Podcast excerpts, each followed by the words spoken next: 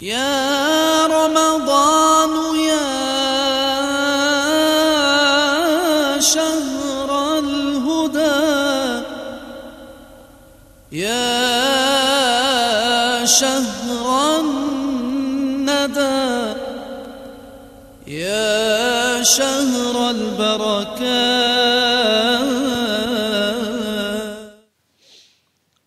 الحمد لله رب العالمين صلى الله وسلم على سيدنا محمد وعلى آله وصحبه الطيبين الطاهرين.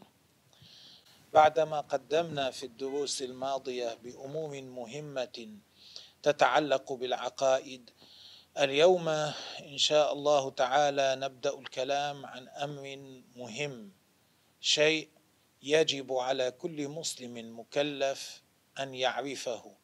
وهو معنى الصفات الثلاث عشرة الواجبة لله تبارك وتعالى.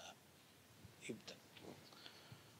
قال المؤلف رحمه الله صفات الله الثلاث عشرة.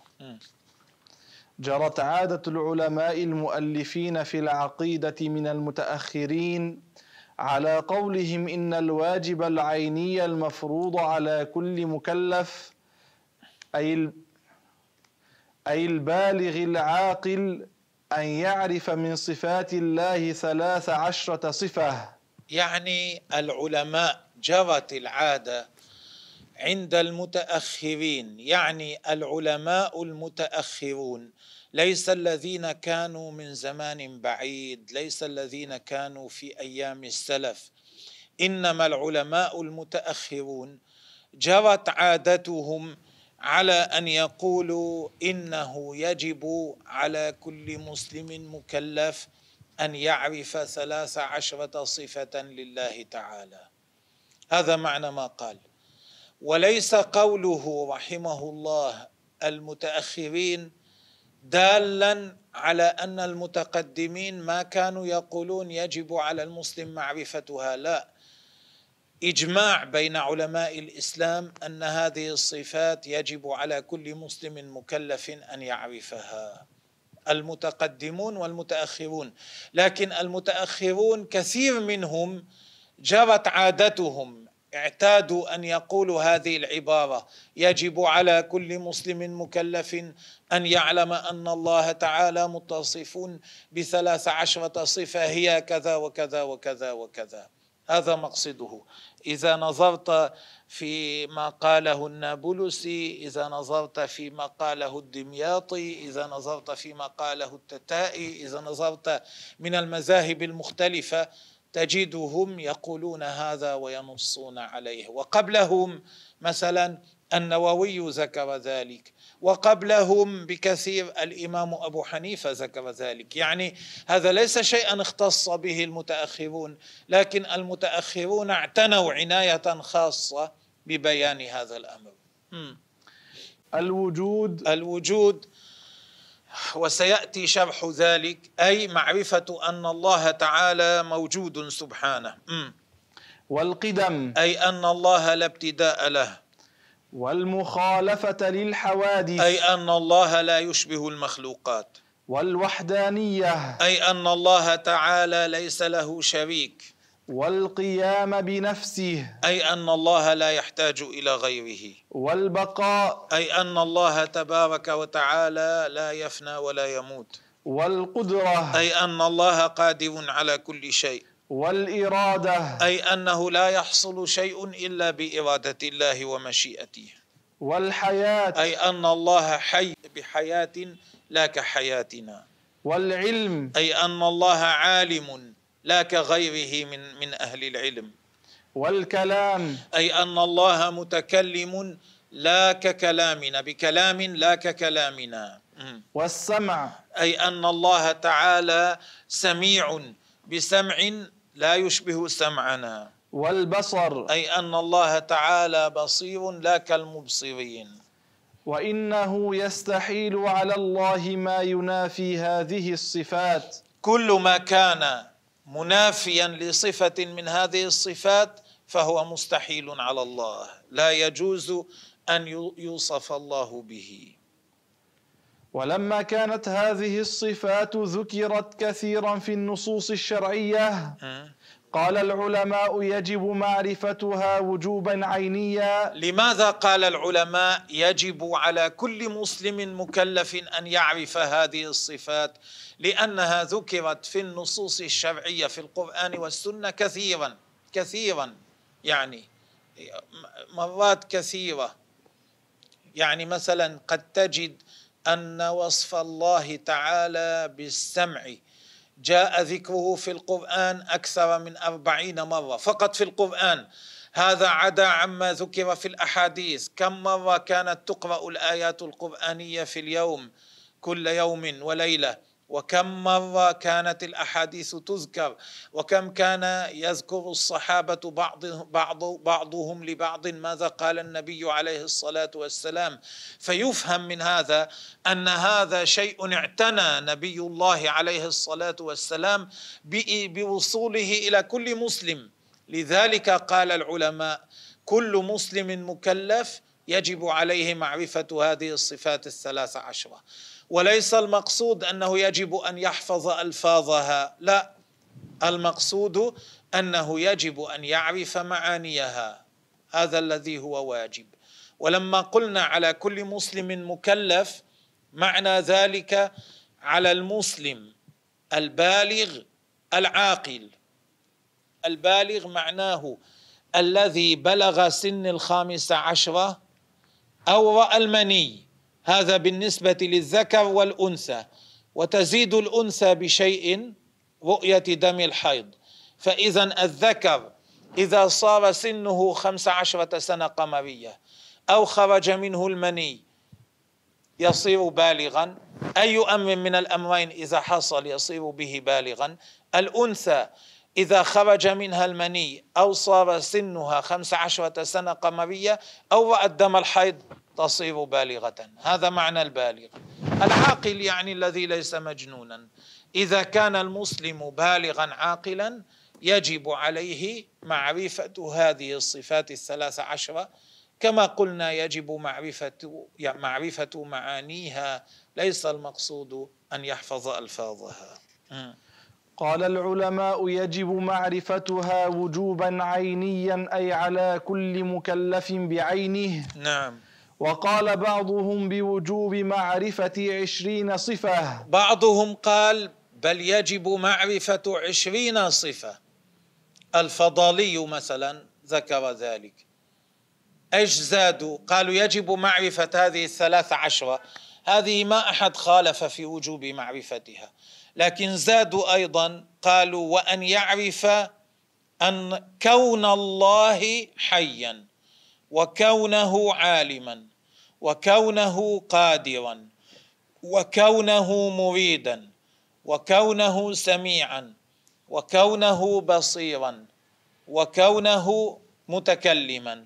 فزادوا هذه السبعة على الثلاث عشرة صارت عشرين. وهذا قول ضعيف. لأنه يعرف من اتصاف الله بالعلم كونه عالما.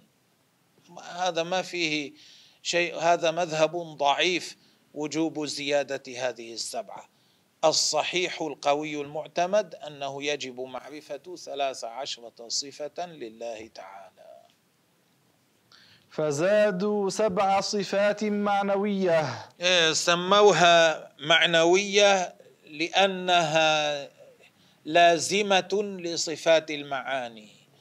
من تعقل هذا شيء سيأتي شرحه. ما معنى صفات المعاني؟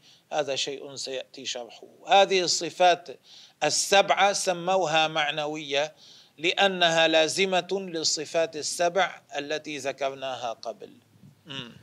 الحياة والقدرة والعلم والمشيئة والسمع والبصر والكلام. قالوا وكونه تعالى قادرا ومريدا وحيا وعالما ومتكلما وسميعا وبصيرا. كما ذكرنا والطريقة الأولى هي الراجحة. الراجح والمعتمد أن يقال يجب معرفة ثلاث عشرة صفة لله. هذا هو المعتمد. طيب. هذه الصفات الثلاث عشرة. صفة منها تسمى صفة نفسية وهي الوجود. وأنا سأذكر هذا لأنه مر هنا كلمة معنوية حتى يفهم ما معناها. اذا صفة منها تسمى نفسية وهي الوجود.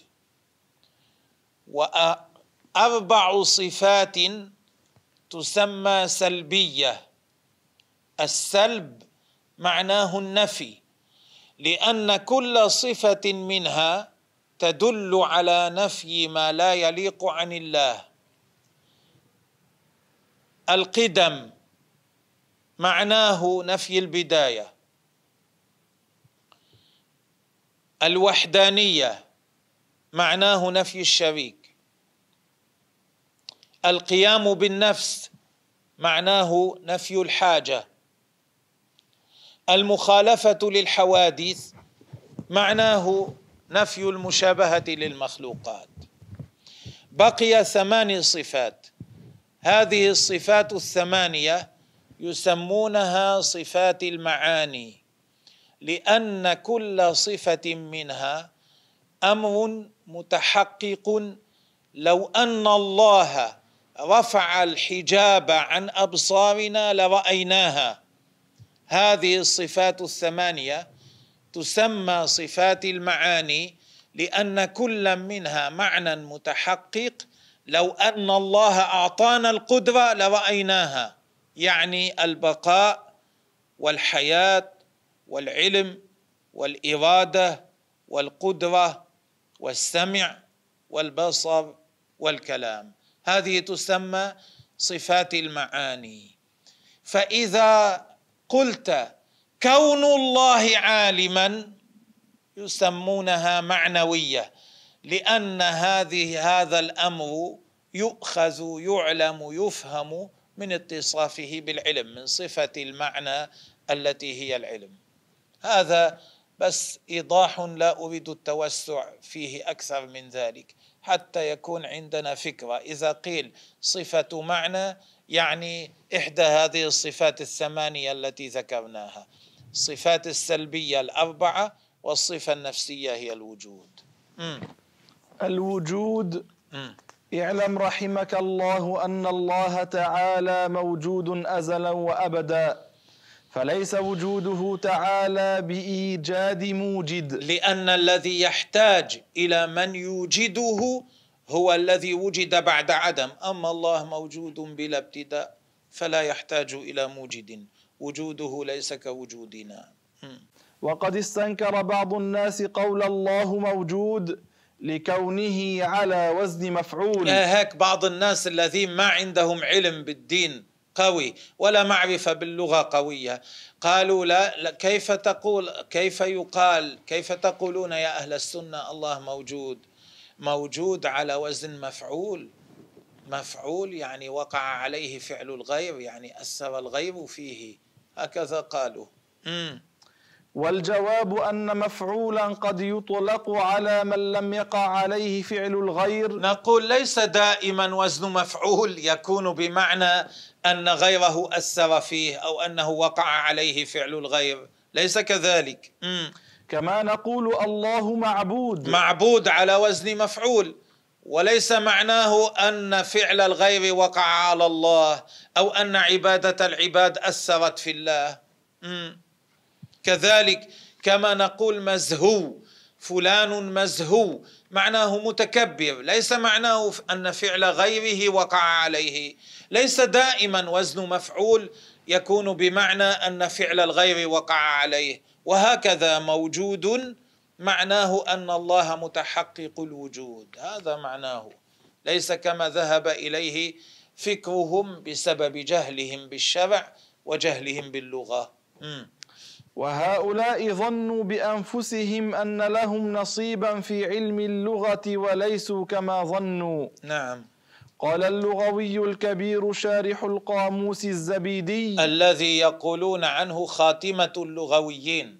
ما جاء بعده في, في علماء اللغة من يصل إلى رتبته. الزبيدي رحمه الله كان محدثا فقيها لغويا. نعم واسع المعرفة في اللغة. في شرح الإحياء. ما نصه. والبارئ تعالى موجود فصح أن يرى. انظر كيف استعمل كلمة موجود في حق الله لأنه ليس دائما ما كان على وزن مفعول يدل على أن الفعل وقع عليه أو أن غيره أثر فيه. وقال الفيومي اللغوي صاحب المصباح. أيضا هذا أيضا من كبار فقهاء الشافعية ومن كبار أهل اللغة. الموجود خلاف المعدوم. آه، والله ليس معدوما. إذا يقال هو موجود. هذا معنى الموجود. ما قال الموجود الذي وقع عليه فعل كذا. لا الموجود أي الذي ليس معدوما. القدم. القدم أي عدم البداية. يجب لله هنا هذا معناه. وأحيانا يطلق القدم بمعنى مضى عليه زمان طويل. ليس هذا المراد هنا. يجب لله القدم بمعنى الأزلية لا بمعنى تقادم العهد والزمن. الله متصف بالقدم بمعنى أنه بلا ابتداء ليس بمعنى أنه مضى عليه زمان طويل. مم. لأن لفظ القديم والأزلي إذا أطلقا على الله كان المعنى أنه لا بداية لوجوده. هذا معنى القديم والأزلي إذا أطلق على الله. مم. فيقال الله أزلي الله قديم. أي لا بداية لوجوده. الله هو الأول الأزلي القديم. كل هذا بمعنى أنه لا ابتداء لوجوده سبحانه. مم. وإذا أطلقا على المخلوق يعني القديم والأزلي. إذا أطلقا على المخلوق. كانا بمعنى تقادم العهد والزمن. كا- كانا بمعنى مرور زمن طويل. لا أي لهما بداية له بداية. لكن مر زمان طويل. قال الله تعالى في القمر حتى عاد كالعرجون القديم. العرجون قطعة من النخلة إذا مضى عليها زمان تتقوس. قال تعالى حتى عاد كالعرجون القديم أي حتى صار شكل القمر مثل هذا العرجون أي حتى صار هلالا. هذا معناه. قال كالعرجون القديم أي الذي مضى عليه وقت طويل. مم. وقال صاحب القاموس الفيروزبادي من أكبر علماء اللغة. بسبب كتابه القاموس المحيط صار كل كتاب كل معجم يبين فيه معاني الكلمات يسمى القاموس بسبب كتابه من علو شأنه. الهرمان بناءان أزليان بمصر. قال الهرمان يعني أكبر هرمين في مصر. قال بناءان أزليان بمصر. أزليان مضى عليهما زمان طويل. هذا معناه. فإذا القديم والأزلي إذا أطلق على الله معناه الذي لا بداية لوجوده. إذا أطلق على المخلوق معناه مضى عليه زمان طويل. مم. وأما برهان قدمه تعالى الذي يدل في العقل على أن الله لا ابتداء لوجوده. فهو أنه لو لم يكن قديما للزم حدوثه. لو لم يكن الله بلا بداية لكان حادثا موجودا بعد عدم. فيفتقر إلى محدث. وما وجد بعد عدم يحتاج إلى من أوجده. فيلزم الدور أو التسلسل وكل منهما محال. آه لو كان ذلك للزم من هذا الدور أو التسلسل. وكلاهما باطل. هنا يحتاج إلى شرح معنى الدور ومعنى التسلسل. الدور معناه أن يقال زيد متوقف وجوده على وجود عمر لكن عمر متوقف وجوده على وجود زيد فيحصل الدور ولا يكون أي منهما موجودا. يعني لو كان الله محت... لو كان الله حادثا بعد عدم يعني لو كان الله تعالى حادثا بعد عدم لاحتاج إلى من أحدثه. وهذا المحدث إذا كان حادثا بعد عدم لاحتاج إلى من أحدثه. فإذا قيل الله الذي أحدثه والله محتاج في حدوثه إليه. صار كل واحد منهما وجوده متوقف على وجود الآخر فلا يوجد أي منهما. إذا قيل زيد محتاج في وجوده إلى وجود عمر بس عمر لا يوجد إلا إذا وجد زيد. لا يوجد زيد ولا عمر لأن كل واحد منهما يصير قبل نفسه وبعد نفسه. وهذا محال. مستحيل. هذا يقال له الدور أمثل لكم هذا بمثال. لا أعطي زيدا درهما حتى يعطيني هو درهم. لكن هو لا يعطيني درهما حتى أعطيه أنا درهم. لا أنا يصل إلي درهم ولا زيد يصل إليه درهم. هذا مثال الدور الدور مستحيل محال. الشيء الثاني هو التسلسل. التسلسل أن يقال وجود هذا متوقف على وجود شيء قبله. لا يوجد إلا إذا وجد قبله شيء. لكن الذي قبله متوقف على شيء قبله. والذي قبله متوقف على شيء قبله والذي قبله لا يوجد إلا إذا وجد شيء قبله. وهكذا لا إلى أول بلا بداية. هذا أيضا مستحيل. لأنه لو كان الأمر كذلك لما كان الآن شيء موجودا. ليش؟ لأنه حتى يصل الدور إلى الشيء الموجود الآن لا بد أن يكون انتهى ما قبله. وما قبله لا نهاية له فكيف ينتهي؟ هذا تناقض. مثال ذلك لا أعطيك درهما حتى أكون أعطيتك قبل أعطيتك قبله درهما. لا أعطيك الذي قبله حتى أكون أعطيتك أعطيتك قبله درهما. هل تأخذ مني درهما قط؟ لا تأخذ. وهذا مثال الحادث الحاضر. هذا هو التسلسل. أيضا مستحيل.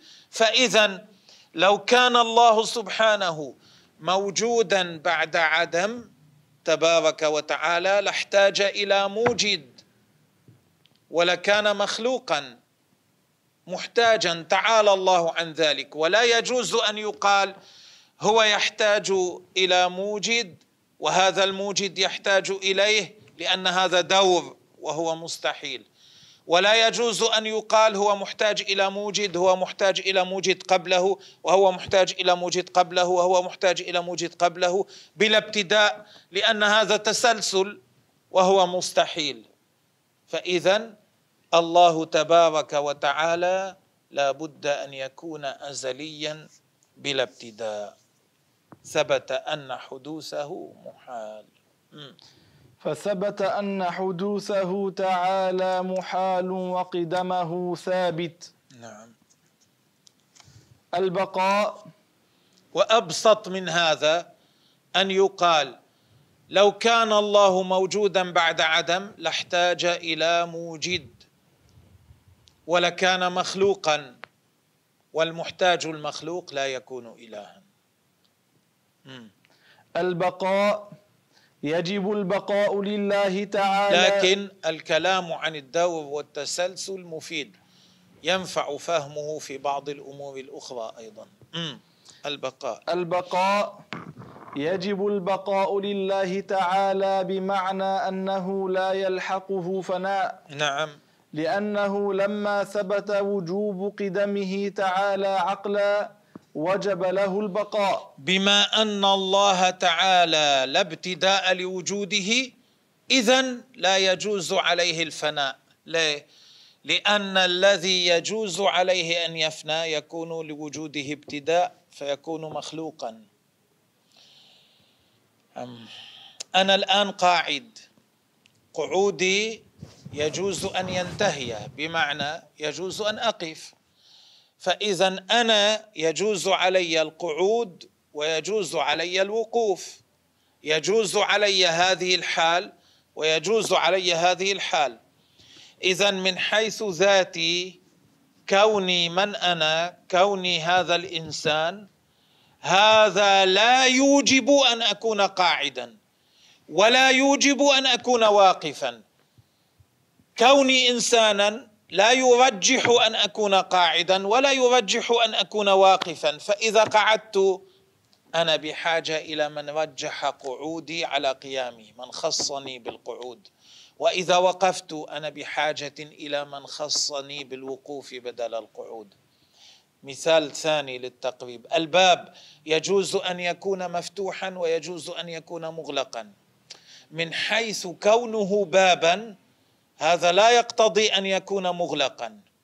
لو كان كونه بابا يقتضي أن يكون مغلقا كان يكون مغلقا كل الوقت ولا يجوز أن يفتح. ولو كان كونه بابا يقتضي أن يكون مفتوحا لكان يبقى مفتوحا كل الوقت ولا يجوز في العقل أن يغلق.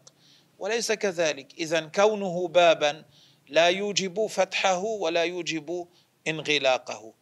فإذا كان مفتوحا اذا انفتاحه ليس من ذاته بل غيره خصه بذلك.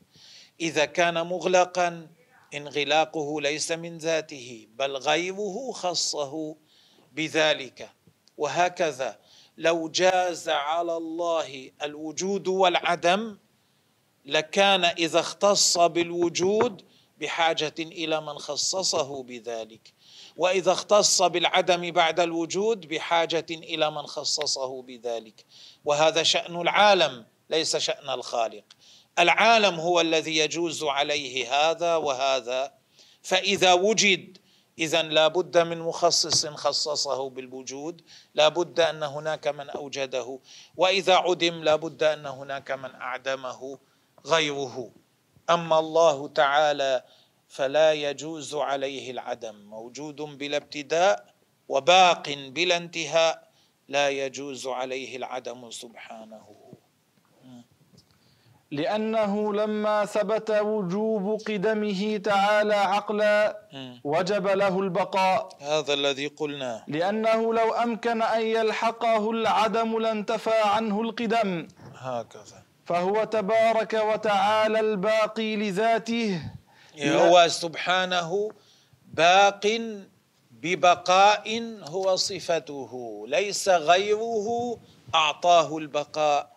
ليس مثل الجنة الجنة تبقى لكن بقاؤها ليس لذاتها بل لأن الله خصها بالبقاء.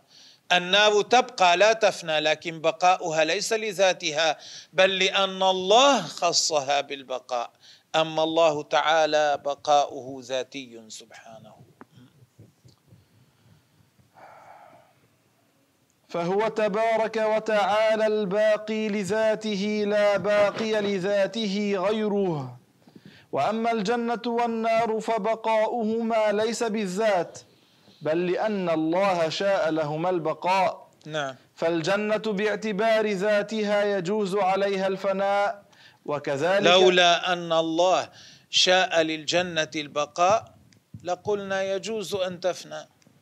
لولا أن الله شاء للنار البقاء لقلنا يجوز أن تفنى. الجنة والنار باعتبار ذاتيهما لا باعتبار أن الله شاء لهما البقاء يجوز عليهما الفناء. وكذلك النار باعتبار ذاتها يجوز عليها الفناء. نعم.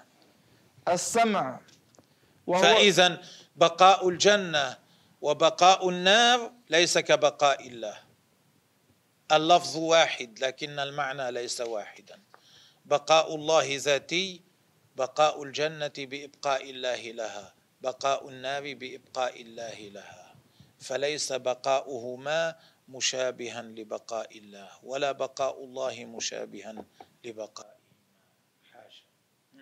السمع وهو صفة أزلية ثابتة لذات الله فهو يسمع الأصوات بسمع أزلي أبدي لا كسمعنا. السمع صفة أزلية ثابتة لذات الله يسمع الله تعالى بها المسموعات المسموعات.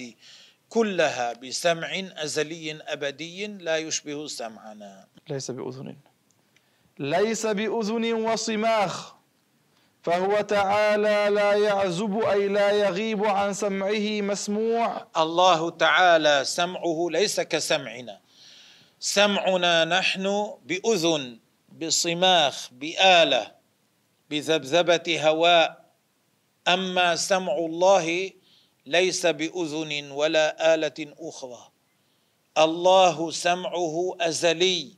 نحن سمعنا حادث. نحن عندما يحصل الحادث يحدث في ذاتنا شيء هو السمع. نحتاج فيه إلى الآلة. أما الله عندما يحصل ما يسمع يسمعه من غير أن يحدث فيه شيء سبحانه. من غير آلة.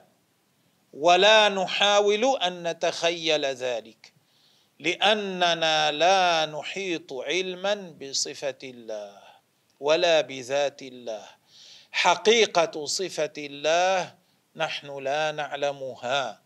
وحقيقة ذات الله نحن لا نعلمها. لذلك لا يجوز لنا أن نحاول أن نتخيل صفة الله ولا أن نتخيل ذات الله لأن كل ما تتخيله مخلوق. والله لا يشبه ذلك. فهو تعالى لا يعزب أي لا يغيب عن سمعه مسموع. وإن خفي أي علينا وبعد أي عنا كما يعلم بغير قلب. البعيد منا والقريب منا يسمعه الله تبارك وتعالى بسمعه الأزلي لا يخفى عليه شيء. ودليل وجوب السمع له عقلا أنه لو لم يكن متصفا بالسمع لكان متصفا بالصمم وهو نقص على الله. قالوا لو لم يكن الله سميعا لكان متصفا بالصمم أي بالطرش. وهو نقص في حق الله والنقص عليه محال. وهو نقص على الله والنقص عليه محال.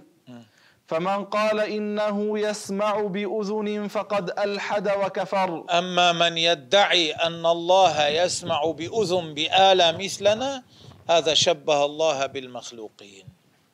نعم. البصر. نحن أهل السنة. لا ننفي عن الله.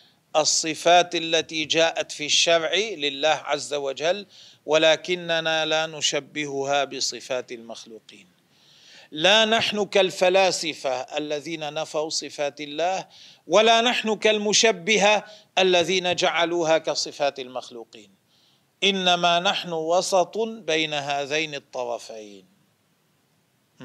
البصر يجب لله تعالى عقلا البصر أي الرؤيه يجب أن نعتقد أن الله تعالى متصف بصفة البصر أي الرؤيه نعم. فهو يرى برؤية أزلية أبدية المرئيات جميعها. الله يرى برؤية أزلية أبدية لأن صفاته كلها أزلية أبدية فبصره أزلي أبدي لا يحصل فيه تغير.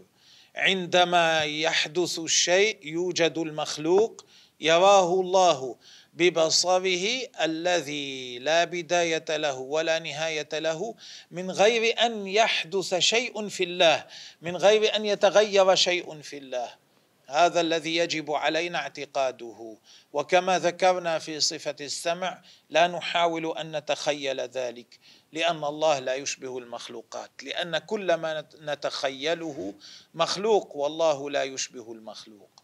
الله تعالى يسمع كلامه ويسمع كل المسموعات بسمع أزلي أبدي لا يتغير. يرى ذاته ويرى صفاته ويرى مخلوقاته برؤية أزلية أبدية لا تتغير صفاته كلها أزلية أبدية ولا يطرا عليه سبحانه وتعالى تغير.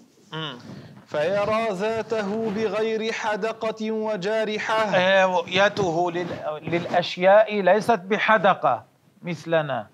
هذا الشيء المستدير في داخل العين. ولا ب آه، عفوا آه، ليست بحدقة. هذا الشيء الذي نحن نبصر به. ولا بجارحة يشبه تشبه ذلك أو غير ذلك. ليست بآلة إنما يرى سبحانه بصفة هي صفة البصر أزلية أبدية. لأن الحواس من صفات المخلوقين. والخالق لا يوصف بصفات المخلوقين. والدليل على ثبوت البصر له عقلا أنه لو لم يكن بصيرا رائيا لكان أعمى. والعمى أي عدم الرؤية نقص على الله. لذلك لا يجوز أن يوصف الله به. فنقول الله تعالى بصير لكن صفته البصر لا تشبه صفات المخلوقين. لا ننفي عن الله الصفة كما فعل الفلاسفة بل نثبت ما جاء في الكتاب والسنة من صفات الله لكن لا نشبه صفات الله بصفات المخلوقين. كما قال تعالى ليس كمثله شيء. والعمى أي عدم الرؤية نقص على الله والنقص عليه مستحيل. هكذا. ودليل السمع والبصر السمعي. أما من حيث النقل من حيث الكتاب والسنة فالدليل على اتصاف الله بالسمع والبصر الآيات, الآيات والأحاديث كقوله تعالى وهو السميع البصير. نعم. وقوله صلى الله عليه وسلم في تعداد أسماء الله الحسنى السميع البصير. وهو في حديث أخرجه الترمذي وصححه ابن حبان. نعم. الكلام الكلام هو صفة أزلية أبدية هو متكلم بها. آمر ناه واعد متوعد. الكلام من صفات الله تبارك وتعالى. وصفة الكلام لله أيضا صفة أزلية أبدية. ليس لها ابتداء ولا لها انتهاء. الله أمر بكلامه ووعد بكلامه ونهى بكلامه وتوعد بكلامه سبحانه وتعالى. وكلامه ليس شيئا يحصل بعد شيء. ليس شيئا مركبا من أجزاء. ليس كلامه سبحانه وتعالى شيئا لم يكن موجودا ثم وجد. لا كلامه صفته لا يشبه كلامنا. لا له ابتداء ولا له انتهاء مثل كل صفاته سبحانه. م. الكلام هو صفة أزلية. بدك بلش ناهن وعد كمل من ليس ككلامي. طيب. ليس ككلام غيره بل أزلي بأزلية الذات لا يشبه كلام الخلق. هكذا كلام الله أزلي لا ابتداء له لأن الذات أزلي والذات الأزلي لا بد أن تكون صفته أزلية. لأنه كما قلنا لو كانت الصفة حادثة لكان الذات حادثا.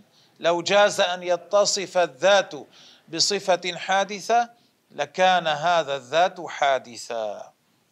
إنما كلامه صفته لا يشبه كلام الخلق. وليس بصوت يحدث من انسلال الهواء ليس بصوت يحدث من خروج الهواء من مخرج ضيق كما من الفم.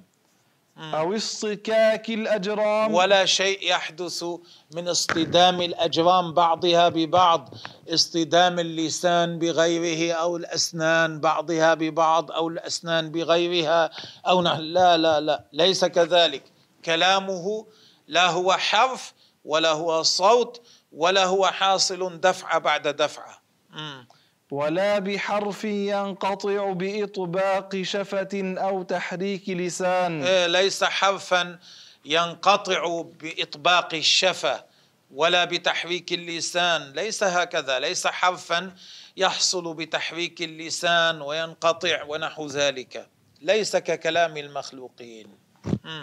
ونعتقد أن موسى سمع كلام الله الأزلي بغير حرف ولا صوت. نعم. كما يرى المؤمنون ذات الله في الآخرة من غير أن يكون جوهرا ولا عرضا. طيب إذا كان كلام الله لا يشبه كلام المخلوقين لا هو حرف ولا هو صوت ولا له ابتداء ولا يحدث دفعة بعد دفعة ماذا نقول في سماع موسى لكلام الله؟ نقول سمع موسى هذا الكلام الذي لا يشبه كلامنا. كما أن المؤمنين في الآخرة يرون الله وهم في الجنة وهو لا يشبه المخلوقات. كما أن الله يعطينا في أعيننا قوة نراه بها وهو لا يشبه المخلوقات إذا دخلنا الجنة. كذلك أعطى الله تعالى موسى عليه السلام قوة فسمع بها كلام الله الذي لا يشبه كلامنا. لأن العقل لا يحيل سماع ما ليس بحرف ولا صوت. إيه، لأن العقل لا يدل على أنه مستحيل سماع ما ليس بحرف ولا صوت. لا. كما أنه لا يدل على أنه يستحيل رؤية ما ليس جسما. وكلامه تعالى الذاتي ليس حروفا متعاقبة ككلامنا. كلام الله تعالى الذاتي الذي هو صفته القائم بذاته ليس حرفا ولا صوتا. ليس حرفا يأتي بعد حرف كما أن كلامنا حرف بعد حرف. لأن هذه الحروف مخلوقة ولا يجوز أن يوصف الله بصفة مخلوقة. وإذا قرأ القارئ منا كلام الله فقراءته حرف وصوت ليست أزلية. أيوه هذا يحتاج هنا إلى إيضاح. كلامه الذاتي الذي ليس حرفا ولا صوتا هذا صفته القائم بذاته تعالى. نسميه كلام الله. وهذا الكلام الله أنزل على النبي عبارة عنه. يعني أنزل على النبي صوتا باللغة العربية وحروفا باللغة العربية نظما شيئا باللغة العربية يدل على معنى كلامه الذي هو صفته. وهو القرآن الكريم المنزل على محمد عليه الصلاة والسلام. هذه الألفاظ المنزلة أيضا نسميها كلام الله مع أنها بالعربية. طيب إذا قرأها الواحد منا يكون قرأ كلام الله. معناه قرأ ما يدل على كلام الله الذاتي. هذا معناه. قراءته. لذلك قال فإذا قرأ القارئ منا كلام الله أي إذا قرأ القارئ منا الحروف الألفاظ الدالة على كلام الله الذي هو صفته فقراءته حرف وصوت ليست أزلية لأن قراءة القارئ ليست صفة الله واضح هذا إذا قرأت أنا القرآن قراءتي ليست صفة الله. شو؟ صفة الله حلت فيها لا. إنما الذي أقرأه أنا شيء يدل على صفة الله تبارك وتعالى. فقراءتي حرف وصوت وصفة الله ليست حرفا ولا صوتا. إنما هذه القراءة تدل على تلك الصفة عبارة عن تلك الصفة. وقد نقل هذا التفصيل عن أبي حنيفة رضي الله عنه. نعم. وهو من السلف أدرك شيئا من المئة الأولى ثم توفي سنة مئة وخمسين هجرية. أبو حنيفة رضي الله عنه من رؤوس السلف ولد في أواخر القرن الأول ومات في منتصف القرن الثاني. توفي سنة 150 من الهجرة وقد قالوا إنه رأى بعض الصحابة وإن كان لم يسمع منه لكن رآه. فأبو حنيفة رضي الله عنه ذكر مثل هذا عن كلام الله تبارك وتعالى. هذا كلام السلف ليس شيئا مبتدعا. قال والله يتكلم لا بآلة وحرف. والله يتكلم لا بآلة وحرف. كلامه الذي هو صفته ليس بآلة ولا هو حرف. ونحن ونحن نتكلم بآلة وحرف. أما نحن فكلامنا بالآلات والحروف. أبو حنيفة قال ويتكلم لا ككلامنا. نحن نتكلم بالآلات باللسان والشفتين من المخارج مخرج الألف غير مخرج الميم غير مخرج الهاء من المخارج والحروف بحرف بعد حرف. قال والله متكلم بلا آلة ولا حرف. هذا كلام أبي حنيفة رضي الله عنه الذي هو من رؤوس السلف. فليفهم ذلك. طيب. وليس الأمر كما تقول المشبهة بأن السلف ما كانوا يقولون بأن الله متكلم بكلام ليس بحرف. إيه. ليس ليس الأمر كما تقول المشبهة. المشبهة يقولون السلف كانوا يقولون الله يتكلم بحرف لو كان السلف يقولون الله يتكلم بحرف كيف قال أبو حنيفة بلا آلة ولا حرف إنما المشبهة يكذبون.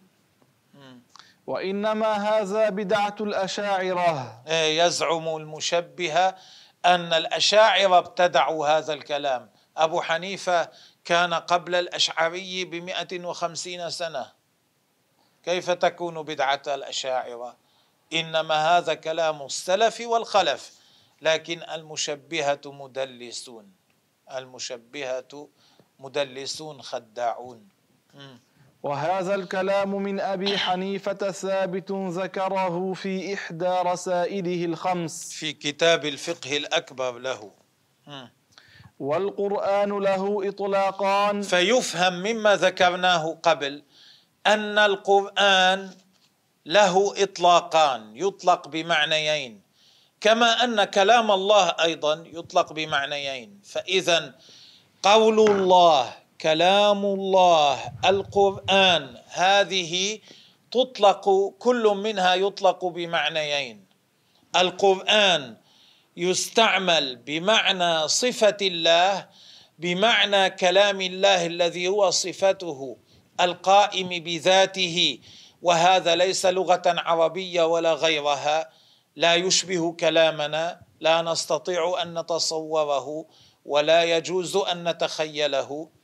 والثاني يطلق بمعنى اللفظ المنزل على سيدنا محمد عليه الصلاة والسلام وهذا باللغة العربية معروف. بهذين المعنيين يطلق القرآن. يطلق بهذا المعنى ويطلق بهذا المعنى. والقرآن له إطلاقان. يطلق على اللفظ المنزل على محمد وعلى الكلام الذاتي الأزلي. وإذا قرأت القرآن في القرآن ما معنى القرآن هنا؟ معناه اللفظ الذي أنزل عليك يا محمد. ليس معناه إذا قرأت صفة الله ليس معناه صفة الله حلت في محمد. حاشا وكلا. وعلى الكلام الذاتي الأزلي الذي ليس هو بحرف ولا صوت وأيضا ولا وأيضا يطلق القرآن على صفة الله الذي هو ليس بحرف ولا صوت. ولا لغة عربية ولا غيرها. نعم. فإن قص فإن قصد به فإن قصد به الكلام الذاتي فهو أزلي ليس بحرف ولا صوت. القرآن بمعنى الكلام الذاتي الذي هو صفة لله لا بداية له ولا نهاية ليس حرفا ولا صوتا. وإن قصد به وبسائر الكتب السماوية اللفظ المنزل. إن قصد بالقرآن أو بالتوراة أو بالإنجيل أو بالزبور اللفظ الذي نزل على النبي. فمنه فمنه ما هو باللغة العبرية. وهما التوراة والزبور. ومنه ما هو باللغة السريانية. وهو الإنجيل والقرآن بالعربية. وهذه اللغات وغيرها من اللغات لم تكن موجودة. كلها مخلوقة. فخلقها الله تعالى فصارت موجودة. والله كان قبلها فلا يجوز أن يكون كلامه بلغة من اللغات لأن اللغات خلق الله. والله تعالى كان قبل كل شيء وكان متكلما قبلها ولم يزل متكلما وكلامه الذي هو صفته. فاذا كلامه الذي هو صفته في الأزل ليس حرفا ولا صوتا ولا لغة إنما هو صفة واحدة لله كلامه واحد. ما معنى واحد؟ معناه ليس له فيه شريك ولا هو متجزئ ولا هو متعدد. هذا معنى واحد إذا أطلق على كلام الله تبارك وتعالى. ليس هناك أحد له كلام يشبه كلامه. ولا أن كلام الله مؤلف من أجزاء مركب من أصوات وحروف مثل كلامنا. حاشا وكلا. كلامه لا ابتداء له ولا انتهاء له لا يشبه كلام المخلوقين. أما نحن أما الكلام الذي أنزله الله على سيدنا محمد عليه الصلاة والسلام فهذا عبارة عن كلام الله الأزلي. ولأنه عبارة عنه نسميه كلام الله. مثال ذلك أليس أخبرنا الله تعالى في القرآن عن قابيل وهابيل وعن محاورة جرت بينهما؟ نقول قال هابيل لقابيل كذا قال قابيل لهابيل كذا.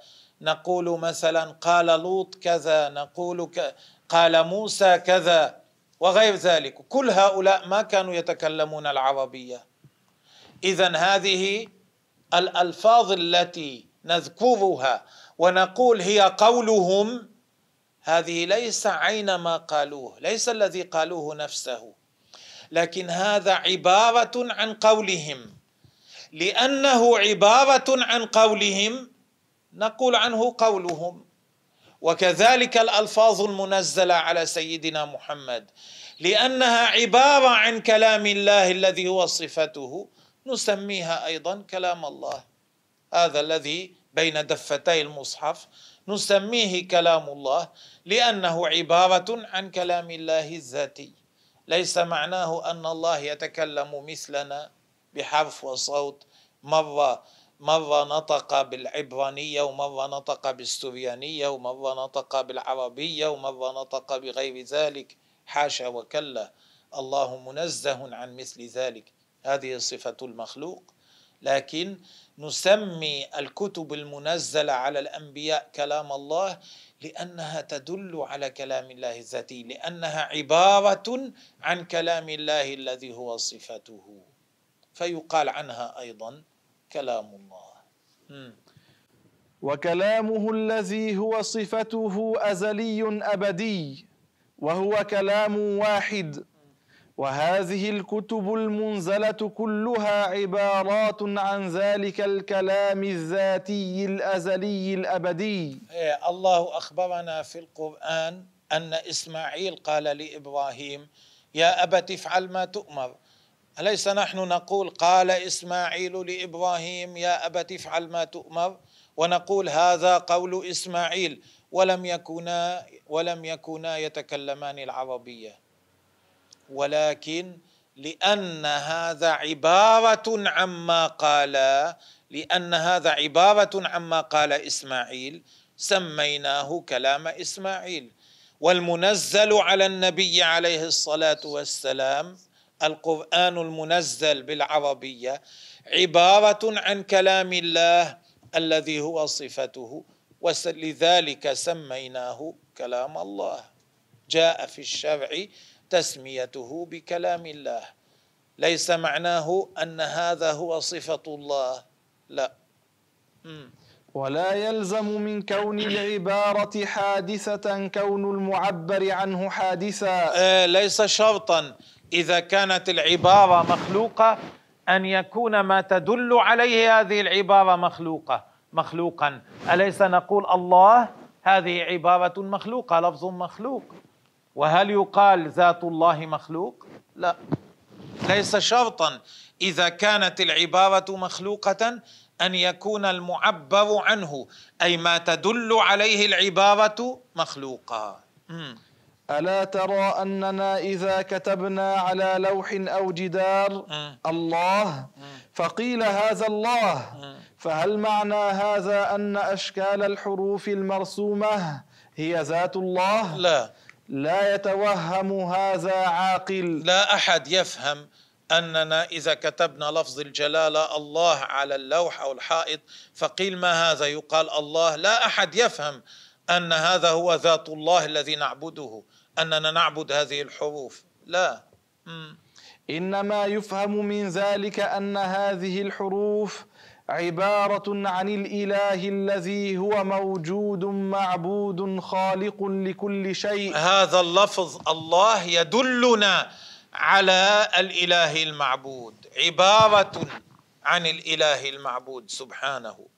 ومع هذا لا يقال القرآن. اي وكذلك اللفظ المنزل على النبي عليه الصلاة والسلام يدل على الكلام الذاتي عبارة عن الكلام الذاتي الذي هو ليس مخلوقا كصفات المخلوقين. ومع هذا لا يقال القرآن وغيره من الكتب المنزلة مخلوق. مع ذلك لا نقول القرآن مخلوق فقط هكذا. مش أليس قلنا القرآن يطلق على الكلام الذاتي ويطلق على اللفظ المنزل؟ فإذا قلنا فقط هيك القرآن مخلوق هذا يوهم أن كلام الله مخلوق كلام الله الذي هو صفته مخلوق. يوهم ذلك.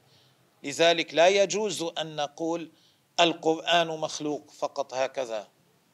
لأن هذا يوهم أن كلام الله الذي هو صفته مخلوق. لا يجوز أن نقول التوراة مخلوقة فقط هكذا. لأن هذا يوهم أن كلام الله الذي هو صفته مخلوق. لكن نشرح نقول القرآن له إطلاقان. إذا قصد بالقرآن صفة الله القائمة بذاته فصفة الله لا ابتداء لها ولا انتهاء لها ليست مخلوقة. أما إذا قصد بالقرآن اللفظ المنزل على النبي عليه الصلاة والسلام باللغة العربية فلا شك أن اللغة مخلوقة وأن هذه الألفاظ مخلوقة. بهذه الطريقة مع هذا الشرح يجوز. أما أن نقول فقط هيك لفظ القرآن مخلوق لا يجوز لأنه يوهم معنى فاسدا. لكن يبين في مقام التعليم أن اللفظ المنزل ليس قائما بذات الله بل هو مخلوق لله. نعم. لأنه حروف يسبق بعضها بعضا. هكذا اللفظ المنزل حروف. بسم الله الرحمن الرحيم. عندما أنا ألفظ الباء السين لا تكون موجودة. ثم عندما الفظ السين تكون الباء انتهت والميم ليست موجودة. ثم عندما الفظ الميم تكون السين انتهت. وهكذا. هذه صفة المخلوق. الحادث. الله لا يجوز أن يوصف بذلك. لكن هذه العبارات هذا الذي أنزله الله على النبي عليه الصلاة والسلام وليس من تأليف جبريل ولا من تأليف سيدنا محمد عليه الصلاة والسلام أنزله الله عليه عبارة عن صفته عبارة عن كلامه الذي هو صفته. يدل عليه لذلك نسميه أيضا كلام الله. هذا يسمى كلام الله وهذا يسمى كلام الله. وما كان كذلك حادث مخلوق قطعا. لكنه ليس من تصنيف ملك ولا بشر.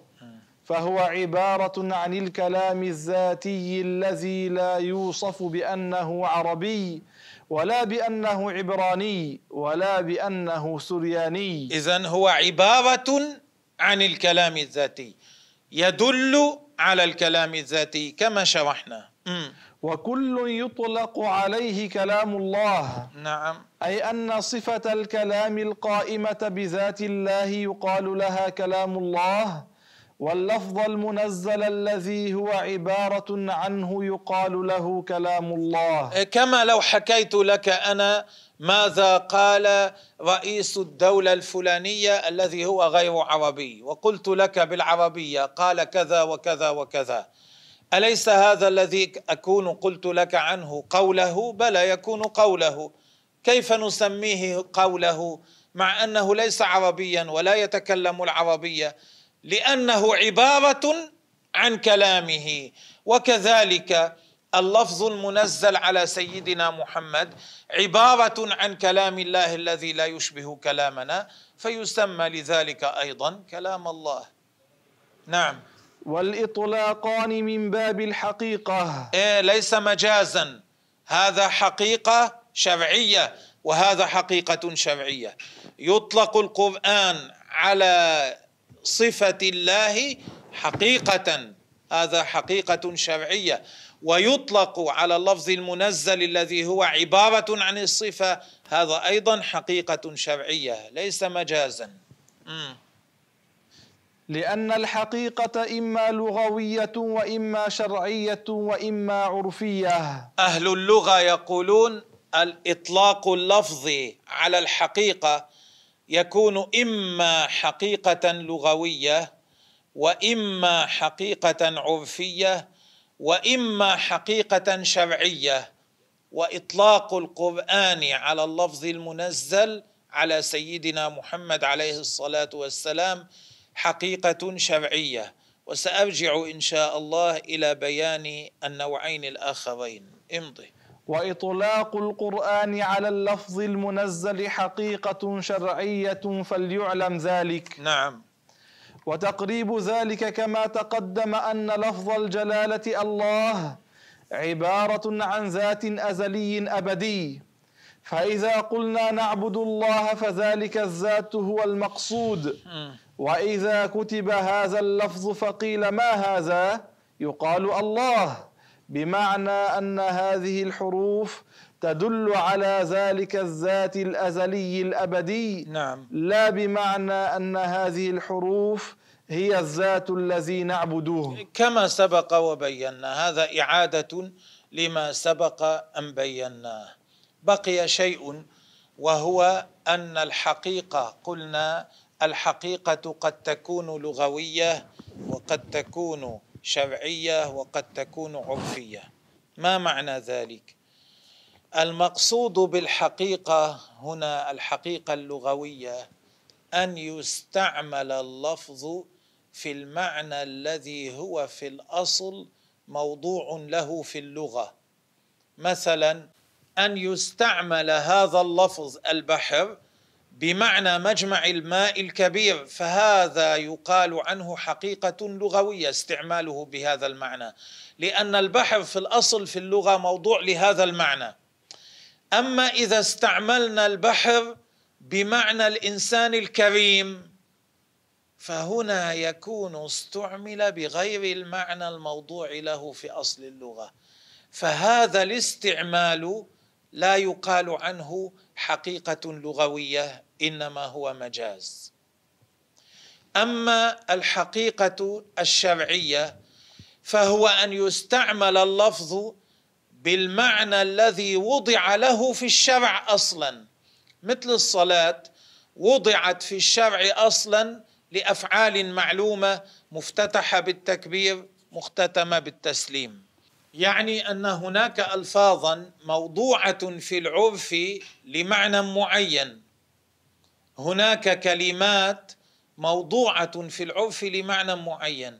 استعمالها في المعنى الذي الذي وضعت له يقال عنه حقيقة عرفية. مثل شو؟ مثلا الدابة في عرف الناس ما معناها؟ معناها البهيمة التي لها أربعة أرجل كالحمار والبغل ونحو ذلك. هذا يقال له حقيقة عرفية. في عرف الناس هذا الذي يخطر على الذهن أول ما يسمع الإنسان الدابة. لكن في الأصل في اللغة ليس هذا معناها. في اللغة معناها الحيوان. كل ما يدب على وجه الأرض كل ما له روح يدب على وجه الأرض هو الدابة. إذا استعملنا الدابة بمعنى البهيمة ذات الاربع الأرجل الأربعة. بالعرف إذا كنا نتكلم على حسب العرف يكون هذا حقيقة عرفية. هذا الفرق بين هذه الحقائق الثلاثة. الآن قد لا نحتاجه كثيرا لكن أحببت إيضاحه حتى لا تمر الكلمة من غير شرحها في هذا الكتاب. وأما الذي نحتاج إلى فهم إلى فهمه فيما يتعلق فيما ذكرناه أن إطلاق القرآن على صفة الله هذا حقيقة شرعية. وإطلاق القرآن على اللفظ المنزل على سيدنا محمد عليه الصلاة والسلام أيضا حقيقة شرعية. هذا حقيقة شرعية وهذا حقيقة شرعية. لا هذا مجاز ولا هذا مجاز. نكتفي بهذا لليوم. والله تبارك وتعالى أعلم.